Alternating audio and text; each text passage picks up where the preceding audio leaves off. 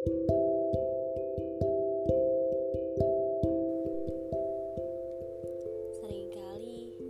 saya mendengar ada suara kekasih yang selalu berkata, "Jalani saja dulu."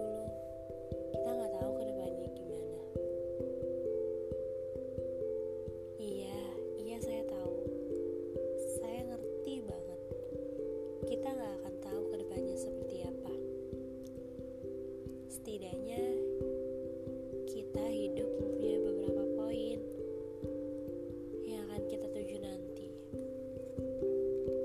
Dan ketika kita mencapai suatu tujuan dan sesuatu yang kita inginkan, itu adalah suatu kebanggaan untuk kita. Dan kalaupun memang itu gagal, ya kita jangan menyerah. Kita harus mencari celah kenapa itu bisa gagal jangan menjadi pengecut. Yang nyerah gitu aja. Mencoba lagi ya. Pasti ada jalannya. Walaupun harus dicoba berkali-kali seenggaknya kita pernah mencoba. Jangan lemah ya. Karena di luar sana ada yang lebih menyakitkan dari ini kamu bisa. Hanya kamu saja yang tak mau mencoba. Kalian ngerasain gak sih di umur segini kita tuh lagi capek pacaran yang gak serius. Yang larang kita ke mana-mana. Yang apa-apa harus ngabarin.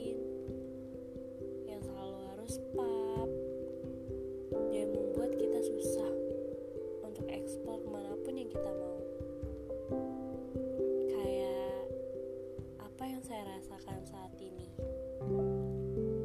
Lagi bener-bener gak ingin jatuh cinta. Apalagi cinta yang gak serius. Aduh gak deh. Pekerjaan dan kuliah saya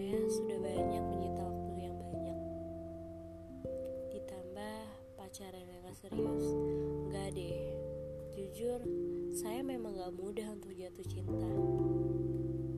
Bukan gak ada yang ngedeketin Hanya saja Saya gak ingin mencoba.